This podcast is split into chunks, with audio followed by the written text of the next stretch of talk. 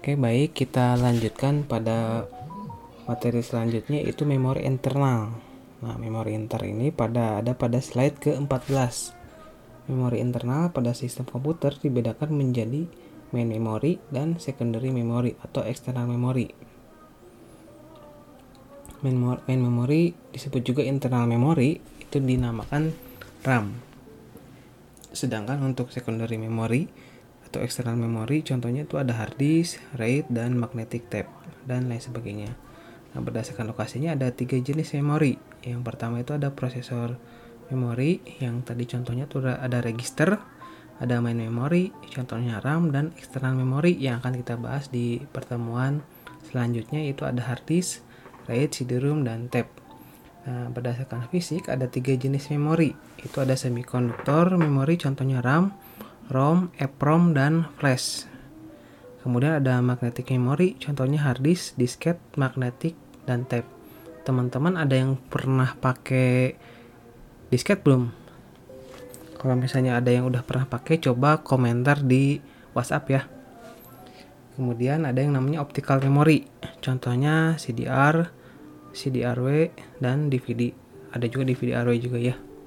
Nah, berdasarkan tipe memori, ada random access memory yang sering kita dengar gitu ya. Ada RAM kemudian ada ROM read only memory dan ada juga PROM atau programmable programmable ROM atau PROM dan erasable PROM atau EPROM ada juga yang namanya electrical erasable PROM atau EEPROM dan yang terakhir itu ialah flash memory. Nah teman-teman bisa dilihat pada slide ke 15 untuk lebih detailnya.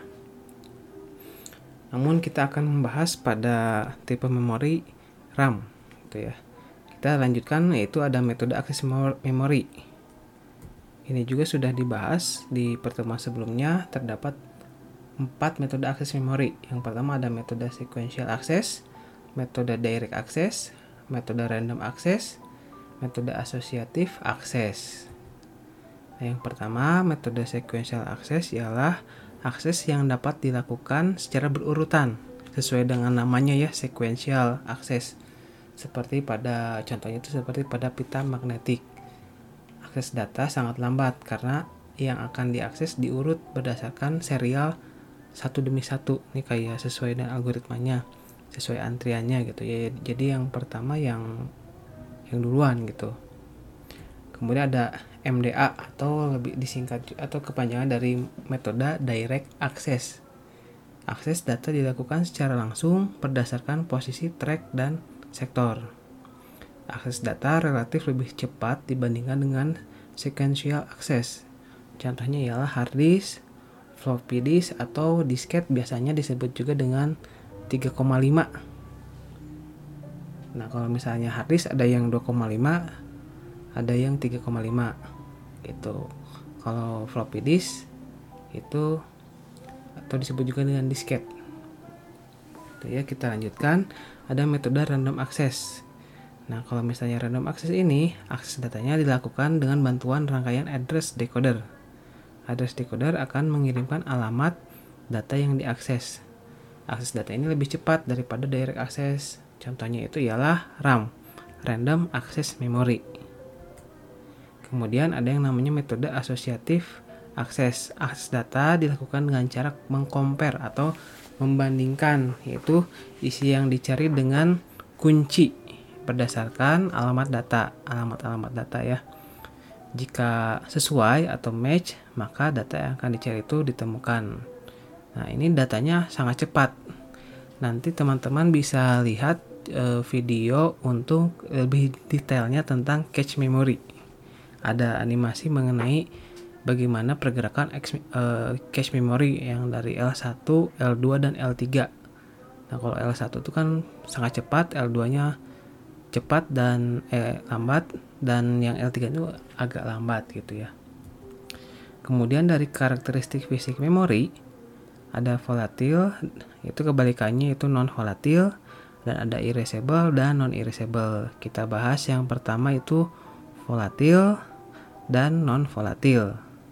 Nah, volatil itu ialah jika listrik mati, maka data yang akan disimpan pada memori tersebut akan hilang.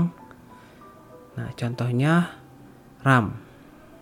Jadi kalau misalnya teman-teman kalau biasanya komputernya ada masalah, biasanya kan suka ada cabut RAM ya. Nah, biasanya itu tuh digunakan untuk menghilangkan atau data-data yang yang sudah tersimpan sementara karena jenis penyimpanan RAM itu ialah penyimpanan memori dengan tidak permanen. Contohnya ada EDORAM, ada SD-RAM, ada DD DD-RAM dan sebagainya.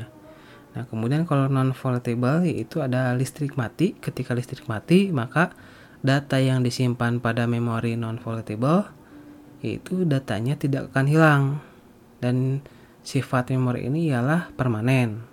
Contohnya itu ialah EEPROM, EEPROM dan flash memory. Kemudian ada yang namanya erasable atau non erasable. Artinya kalau erasable kan sesuai dengan pengertiannya yaitu dapat dihapus untuk kemudian bisa diulang, diisi ulang atau rewrite gitu ya. Contohnya ialah ada EEPROM, erasable programmable read only memory. Dihapus dengan sinar ultraviolet. Kemudian ada EEPROM, electrical erasable programmable read only memory. Dihapus dengan listrik. Kemudian ada yang namanya flash memory. Itu juga dihapus dengan listrik. Nah, kemudian yang kedua itu ada non erasable. Non erasable data tidak dapat lagi dihapus. Media ini mon, e, cuman sekali pakai. Jadi kalau misalnya udah dipakai langsung buang. Pakai langsung buang gitu ya. E, kalau misalnya perlu pakai e, ganti baru. Contohnya itu ialah ROM atau read only memory. Dan ada yang namanya juga PROM Pro Programmable ROM.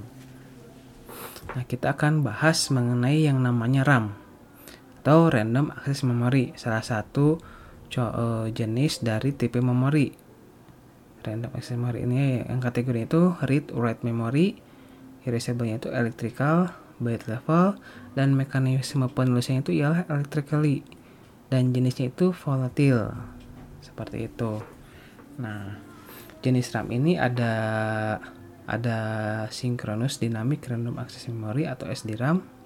Ada juga yang double rate random access memory DDRAM dan rambus dynamic random access memory RDRAM. Seperti itu. Ini untuk jenisnya dan jenisnya itu ada RAM itu yang ada yang pertama eh, yang tadi ya eh, jenis RAM ada DRAM, yang kedua itu ada SRAM atau static static statis, static random access memory. Contohnya itu ada extended data out random access memory atau EDORAM dan non volatile random access memory atau NVRAM. Gini ya, bentuknya itu seperti ada pada contoh slide ke-25. Kemudian kalau misalnya RAM ini dari segi sejarahnya itu ada dari DDR1 hingga DDR4 yang sampai sekarang. Nah, contohnya misalnya ada yang DDR pertama itu biasanya kecepatannya atau speednya itu 200 sampai 400 megahertz eh, kalau dulu eh, saya kurang tahu juga untuk satuannya apa tapi kalau yang sekarang yang DDR4 itu mulai dari 2133 sampai dengan 4266 megahertz gitu ya MHz biasanya tulisannya Nah, biasanya yang di lingkar ini yang pada slide ke-27 disesuaikan dengan tipe dari prosesornya. Yang saya ketahui di seri Intel sendiri untuk yang sesuai dengan video pada perkuliahan arsitektur sebelumnya yang Gen 10 itu dia biasanya hanya bisa menampung 2133 sampai 2166. Tapi kalau misalnya untuk AMD dia bisa menampung sampai dengan 4266 lebih tinggi itu sebetulnya. Nah ini saya punya contoh gambar yang saya miliki ya mengenai DDR-RAM gitu ya. Ada DDR1 sampai DDR4 nah ini contohnya ada di video bisa diklik juga. Itu contoh RAM-nya e, contoh RAM DDR4 kepingannya itu 3200 MHz eh, double double RAM. Kemudian di sini juga saya punya contoh ini ini bukan sodim ya ini DDR versi yang ini yang kedua pada slide ke 29 ini pasti PC 5300 gitu ya. Ini masih DDR2 1 GB jadi kalau dulu itu masih masih 1 GB gitu. Sedangkan kalau yang sekarang kan minimal minimal komputer yang laptop yang biasa juga udah keluar 4 GB kan yang minimal ya.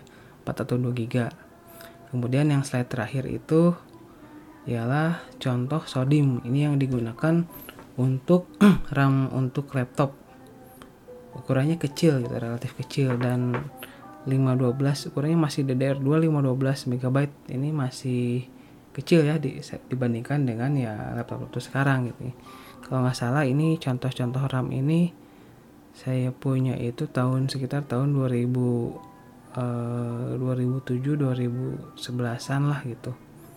2007 2010an kalau tidak salah gitu.